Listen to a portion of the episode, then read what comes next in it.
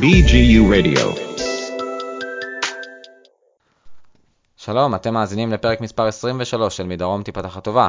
הפרק הזה הוא חלק מסיפורי הקורונה שאנחנו מקליטים בתקופת הקורונה. דיברתי היום עם אהרון צרפתי, שעוסק בפרקור, מין ספורט אתגרי של ריצת שטח, קפיצה בין מכשולים, והוא מלמד את זה בימים רגילים, כמו שהוא יספר לנו איך היה לפני שהתחילה הקורונה, והוא יספר לנו גם איך הוא התמודד עם זה כשהתחיל הסגר וכל הבלגן, איך עושים פרקור בבית, איך אה, העסק שלו ממשיך להתקיים גם כשהוא כבר לא יכול לעשות אה, חוגים לילדים וללמד בצורה רגילה כמו שהוא היה עושה לפני כמה חודשים. אז היה שיחה מאוד מעניינת. שוב נזכיר שהפודקאסט הוא במסגרת רדיו BGU, רשת הפודקאסטים של אוניברסיטת בן גוריון, ושיש לנו גם קבוצת פייסבוק מעולה שנועדה לקיים, לקדם יזמות חברתית בדרום, מדרום תיפתח הטובה, אתם מוזמנים להצטרף, ואם אתם כבר שומעים את זה עוד שנים קדימה כשאתם בחוץ, אז אולי uh, יעניין אתכם באמת uh, לעשות קצת פרקור, להצטרף לאיזה אימון. ובינתיים לכל האנשים שיושבים בבית, נאחל שיהיה לכם סביר.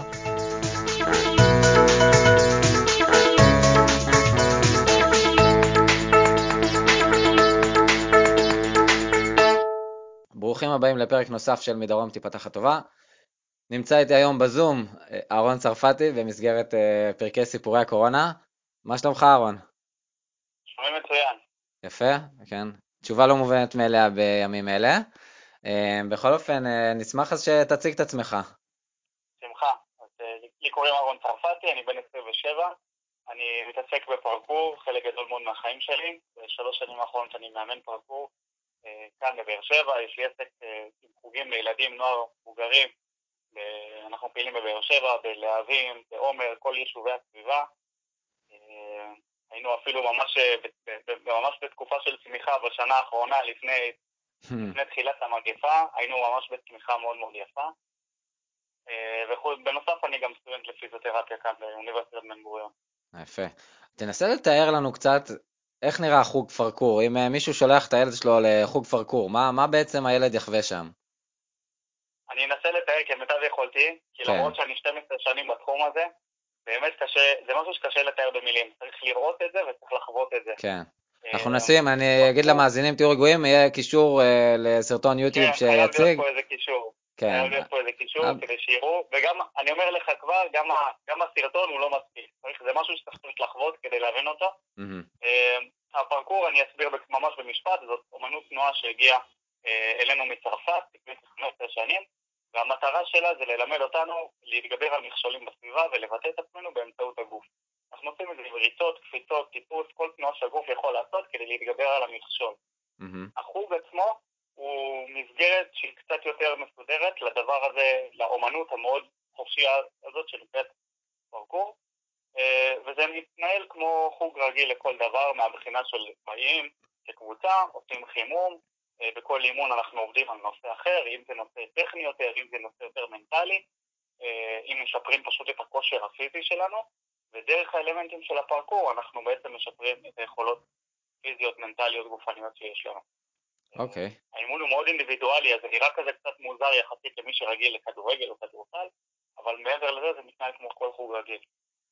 טוב, אז אנחנו נזמין את המאזינים אה, לראות את זה באמת בפייס... ב... סליחה, ביוטיוב. ולהתרשם ככה בצורה יותר בלתי אמצעית, יותר ויזואלית. אז כן, אני, מעניין אותי לשמוע אבל על ה... מה היה נגיד בחודש פברואר, לפני שהתחיל כל הבלגן, איך היה נראה סדר יום אצלך וההתנהלות של הפרויקט הזה, ו... ומה היה ההמשך, כשמדינת ישראל נכנסה לסגר. כן, אז אה, מספטמבר עד אה, פברואר, בעצם מתחילת שנת הלימודים, אה, היינו, פתחנו שנה מאוד מאוד טובה, פתחנו הרבה קבוצות חדשות, הרחבנו את כל הקבוצות הקיימות שלנו, אה, והיינו בכיוון ממש ממש טוב מבחינת איך שהעסק היה מתנהל. אה, העסק היה מתנהל בעצם בחוגים של אחרי הצהריים, אה, אני ועוד שני מדריכים שעובדים איתי, ואני הייתי לומד בבוקר, הייתי הולך ללימודים בבוקר עד הצהריים, ואחר הצהריים מתעסק בכל נושא העסק, אם אני צריך להדריך בעצמי ואם אני צריך אה, לנהל את הלקוחות וגבייה וכל הדברים האלה. Mm-hmm. והעסק התנהל טוב ורץ יפה, ואז הגיעה הקורונה, ולאט לאט זה היה ממש כמו, ש, כמו שאתה מכבה את, ה, את, ה, את השלטרים על לוח חשמל, כן. זה היה, כל, זה היה ככה, כל מתנ"ס שאנחנו עובדים איתו בכל בית ספר, אצלי כבר אי אפשר, אצלי כבר אי אפשר, אצלי כבר אי אפשר, ולאט לאט החוגים נסגרים. אה, ובהתחלה היינו במחשבה של אוקיי, מה קורה עכשיו, זה עד פסח, זה עד אחרי פסח. לא היה לנו בעצם הרבה הרבה מושג. אה, והתמודדנו פה עם איזשהו אתגר שלא צפינו אותו. אה, במדינת ישראל אתה, אתה יודע, אתה פותח איזשהו עסק כזה של חוגים, אתה, אתה מצפה, לא יודע, יהיה לך מלחמה, אתה רוצה שיהיה מרחב מוגן. אתה רוצה שהמדריכים שלך יהיו אה, כשירים במיומנויות מסוימות שהן רלוונטיות למצבי חירום כאלה. אבל אף אחד לא מכין אותך למגפה פתאום. כן. אה, וניסינו להתמודד עם זה בהתחלה אה, כמה שיותר, עם כמה שיותר, בוא נקרא לזה, שינוי מינימלי של הפעילות. ניסינו לשנות את הפעילות כמה שפחות בעצם, במידת האפשר ובמידת ההנחיות שכל ערב השתנו כן. לנו.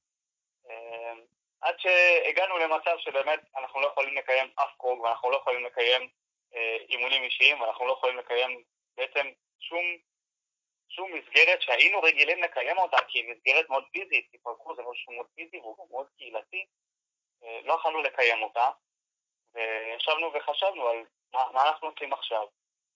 אה, וההחלטה שהתקבלה, אני, אני מהר מאוד הבנתי את זה פשוט שהמצב כרגע לא הולך להשתנות לכיוון מה שאני רגיל, הוא הולך להשתנות לכיוון משהו שאני לא רגיל. אתה מבין למה כן. אני מתכוון?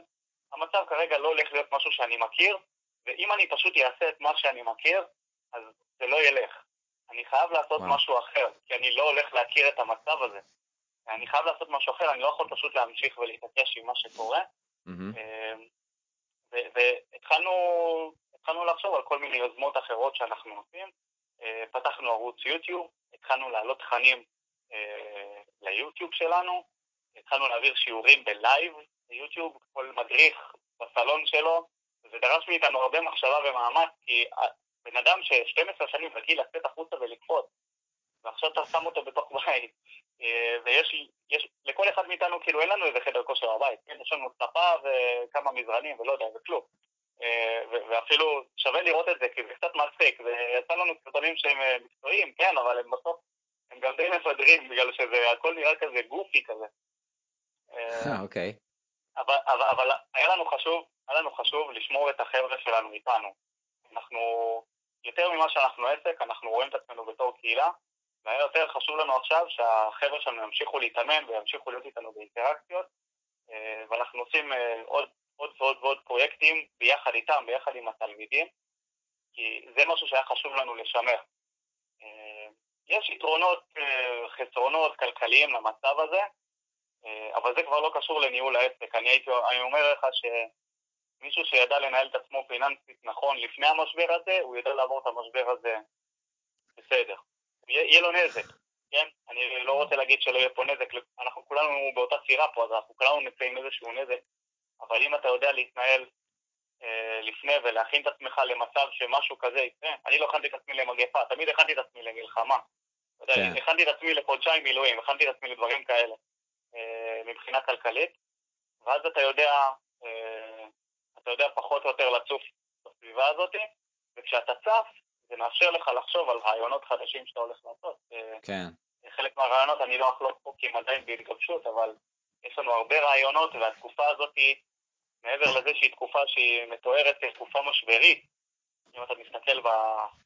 אתה מסתכל ב, בחדשות או במדיה, באינטרנט, היא מתוארת כתקופה משברית, אבל ברגע שיש לך את היכולת לצוף קצת, אתה מסתכל ואתה אומר, רגע, יש פה הרבה דברים טובים שאני יכול לעשות, ואנחנו עושים הרבה דברים טובים. אנחנו okay. אוקיי. מרוויחים הרבה דברים, גם ברמה האישית, גם ברמה העסקית. כי אתה יכול, אתה יכול לגעת בהרבה פעילות שלא נגעת בהם קודם, כי הלו"ז לא אפשר לך, כי היה דברים חשובים יותר, כי היית צריך לייצר איזשהו תזרים. עכשיו אתה פתאום, אתה עדיין צריך לייצר, לייצר תזרים בעסק, אבל התזרים הוא נמוך משמעותית, כי אתה כבר, יש לך פחות הוצאות, יש לך פחות הכנסות, יש לך פחות הוצאות, כאילו כל העולם נכנס כן. לאיזושהי מין פאוזה, ואתה יכול uh, להתרכז בדברים אחרים, אתה יכול לעצור ולחשוב ועכשיו להשקיף מלמעלה על כל מה שאתה עושה, כן. ולהגיד, אוקיי, אחרי המשבר אני לא אעשה א' ב' ג', אני אעשה ד' ה' ו'. וזה משהו שביום יום אין לך אותו. אז יש פה הזדמנות, כאילו מהבחינה הזאת יש הזדמנות אדירה. וזה משבר, הקורונה היא כן, כן. משבר, אבל בסופו של דבר היא ממש הזדמנות בינתיים. Uh, אני כן אעיר את ההערה האישית שלי, ש, שיש פה עניין, uh, כל אחד מהזווית והעסק והמקום שממנו הוא מגיע, כי יש עסקים שלא יעזור כמה הם uh, ידעו להתנהל ופיננסית uh, uh, ברמה יומיומית הם היו סבבה, אבל uh, המגפה הזאת נפלה עליהם, כאילו אם זה מדובר בעסקי תיירות ודברים כאלה, או שאם מישהו בדיוק, נס... כאילו, רק לציין את זה שתמיד נכון להתנהל נכון. אה, במקרה של מגפת הקורונה, שאנחנו רק בתחילת ההשפעות שלה, אז אה, אה, חשוב לזכור גם את אלה שלא הלך להם, אז, אז תמיד אנחנו בעד להתנהל נכון, אני רק מציין את זה, משלים את הדברים שלך בעצם, שצריך גם לזכור את אלה שזה פשוט נפל עליהם במקום לא טוב, כל אחד עם ההתמודדות שלו. אז מעניין אותי, קודם כל אני מבין שנשלח קישור לערוץ יוטיוב שיש שם אה, את הסרטונים המגניבים שאתם אה, מוציאים עכשיו, ואמרת לי לפני שעשינו את הראיון שפרקור זה גם אה, מתכתב עם אומנויות לחימה, ואני יודע שאומנויות לחימה ודברים כאלה בעצם מעבר לעשייה הטכנית של אה, כל אמנות לחימה והסגנון שלה, יש גם uh, עולם ערכי שמתלווה לזה, ובטח גם בפרקור יש uh, איזה שהם ערכים שאתה יכול לציין, ואיך הם באים לידי ביטוי בימים האלה, או איך אתה מרגיש שהם ממשיכים איתך גם בסיטואציה הנוכחית, וכמובן שאני אשמח אם גם תוכל להביא איזה דוגמאות וסיפורים שאתה מרגיש שהם מבטאים את זה. אספר את זה מתוך הסיפור האישי שלי, אני מאמין שכל תלמיד אה, שחווה פרקור הוא חווה את זה בצורה קצת אחרת, אבל גם בצורה קצת דומה, אז אני פשוט אספר את זה מהסיפור, ש... מה, מהזווית שלי, כי ככה אני חוויתי את זה אה, בתור מישהו שהתחיל פרקור איפשהו שם בגיל 14, אה, ובאתי ממקום שהוא מאוד מאוד לא קשור לספורט ולא קשור לזה, הייתי ילד כזה שיושב במחשב כל היום, הייתה לי תאונה בגיל קטן, אז לא הייתי יוצא הרבה החוצה. ופרקור עשה לי איזה שינוי כזה של 180 מעלות בחיים. ודרך השינוי הזה אתה, אתה, אתה באמת לומד את הערכים האלה, הערכים האלה שאתה רואה בסרטים של ברוס לי וכל הדברים האלה שמדברים עליו, אתה באמת חווה אותו אה, דרך התנועה עצמה, ואחד הדברים שפרקור מאוד מתעסק בו, זה היכולת שלך להתמודד עם פחד. כי בניגוד, ל, בניגוד לאומנות לחימה, באומנות לחימה, בוא נגיד את זה ככה, אין לך יותר מדי ברירה להתמודד עם הפחד. אתה נכנס לזירה, יש יריב מולך, ובין אם אתה מפחד ובין אם אתה לא מפחד, הוא הולך להרביץ לך. אה, שזו התמודדות מאוד חשובה לדעתי. אגב, לדעתי זו התמודדות מאוד מאוד חשובה. אה, אבל בפרקור ההתמודדות היא קצת שונה, כי אתה ניצב מול איזשהו אתגר, או מול איזשהו משהו שאתה רוצה לעשות, אה, ויש פחד, אבל אף אחד לא עוצר אותך, אף אחד לא מאיים עליך, ואף אחד לא, לא בא לפגוע בך. וואלה. זאת אומרת שהבן אדם היחיד שבעצם מונע ממך להצליח משהו, הוא אתה, ואתה פשוט מקבל את זה מול הפנים, כל פעם, בכל אימון אתה מקבל את, ה, את המציאות הזאת לתוך הפרצוף. אתה מקבל את המציאות הזאת של אתה יכול עכשיו להחליט אם להצליח משהו או לא להצליח משהו. אתה יכול להצליח אם לפחד או לא לפחד. ההתמודדות הזאת שאתה עושה אותה כל אימון, כל אימון במשך שנים, בסופו של דבר זה נותן לך איזושהי אה, תחושת מסוגלות של אני לא יודע מה אני הולך לעשות, אבל אני יודע שאני אמצא דרך להסתדר, אני פשוט צריך להמשיך לנסות, להמשיך לנסות, להמשיך לנסות, והאמת הזאת זה גם האמת שהכתה בי ברגע שהמשבר הזה קרה. היו לי גם משברים לפני, וכל עסק, אה, בטח בישראל, כל עסק חווה משברים, אין עסק שלא חווה משברים. אבל המשבר הזה, הוא פשוט נפל גם עלינו כאיזה רם ביום בהיר, וחיברו לנו את כל השלטרים, פשוט עמדתי שם ונכנסתי לאיזשהו סרט שאני עומד מול איזושהי קפיצה שתמיד הייתה לי באימונים, ואמרתי, אוקיי, זה, זה, זו עוד קפיצה, זה עוד אתגר, זה עוד מכשול, מה אני עושה עכשיו? מה הייתי עושה אם זה אתגר בפרקור? הייתי עושה ככה וככה וככה, בוא נעשה את זה גם עכשיו. ובסוף, בסופו של דבר, אני רואה את זה כמשהו שמחלץ אותי מתוך המשבר הזה, ומאפשר לי לטוף, ופתאום לראות את זה בתור הזדמנות, ולא רק בתור משבר. כן, וואי, מדהים.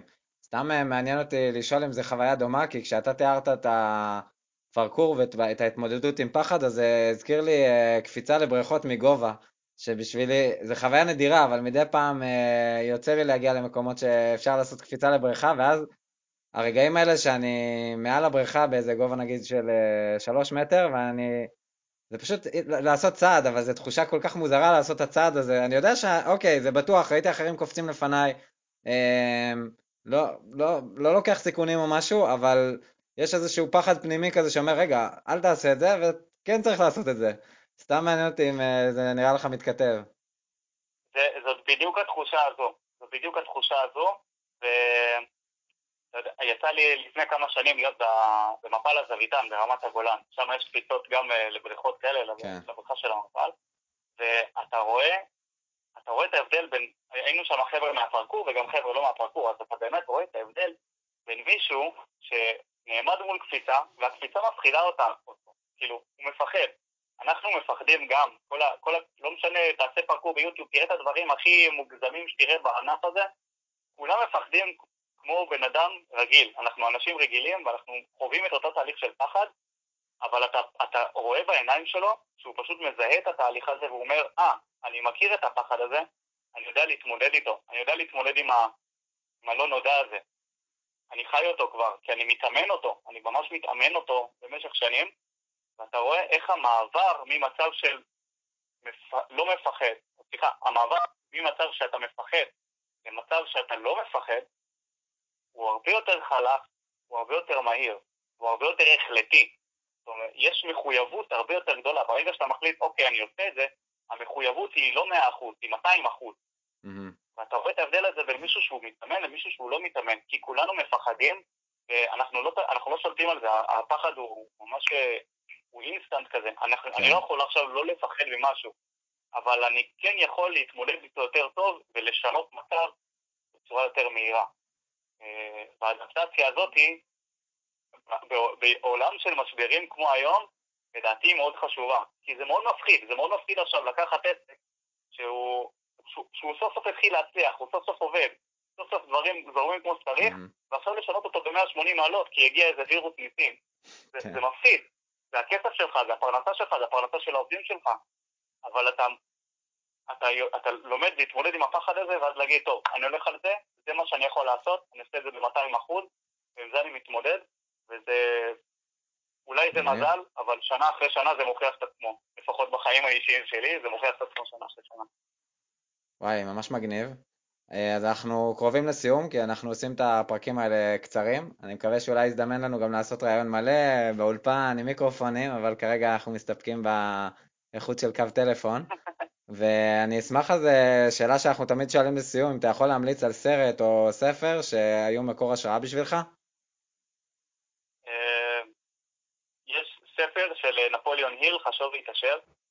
אוקיי. אה, אני, אני יודע, באמת לא קראתי אותו, שמעתי אותו, שמעתי אותו בנהיגות, אה, באודיובוק, אה, ואני חושב שזה ספר שהוא פשוט מדהים, הוא לא ספר לקריאה אחת, צריך לקרוא אותו כמה וכמה פעמים, או לשמוע אותו, אני שמעתי אותו כמה וכמה פעמים, אבל צריך לחוות אותו שוב ושוב ושוב, עד שזה באמת צולל לבפנים וזה עוזר לך. ובעיקר לחוות, בעיקר לחוות דברים. אני כן רוצה, בגלל שציינת את הספר, ציינת את הספר חשוב והתעשר, שזה לא פעם, אולי בפודקאסט זה פעם ראשונה שאני שומע המלצה עליו, אבל בכללי אני חושב שזה ספר שמומלץ על ידי רבים, אז לשאול ברמה יותר אישית, אתה זוכר נקודה ספציפית שלקחת משם בעיקר, שאתה יכול לציין אותה? אני, אני חושב שאם אני אציין נקודה ספציפית, אני חוטא למטרה של הספר. Mm-hmm. כי כשאתה שומע את הספר שוב ושוב ושוב ושוב, אתה מבין שכל הדוגמאות שהוא מביא שם, הוא מביא שם עשרות, באמת, הרבה דוגמאות והרבה סיפורים אישיים של הרבה אנשים, אה, ואם אתה מביא דוגמה אחת, אז זה לא מפעיל את האסימון. ברגע שאתה שומע את הדוגמאות עוד פעם ועוד פעם ועוד פעם ועוד סיפור ועוד סיפור ועוד סיפור, אז המוח שלך עושה את האנליזה הזאת שהוא צריך לעשות. אז הוא מתחיל לחבר את הנקודות, ואתה מתחיל להפיק את הלקח שהוא רוצה שתפיק. אה, אוקיי. אז, זה יהיה פשוט לחתור למטרה של הספר. אוקיי, אז אני צריך לעשות uh, השלמת קריאה או האזנה, כי כבר קיבלתי כמה המלצות ועדיין לא יצא לי להגיע לספר הזה. מעולה. אז uh, תודה רבה, אהרון, על הריאיון. אני מאוד נהניתי, באמת הפרקור נשמע דבר מאוד מעניין, ואני מקווה שכמו שאני נהניתי להיחשף, גם המאזינים ילמדו פה הרבה. נאחל לעצמנו ימים טובים, ושניפגש גם בעולם עצמו ולא רק בזום. בהחלט, בהחלט, ימים טובים שיהיו. תודה רבה לך. תודה רבה.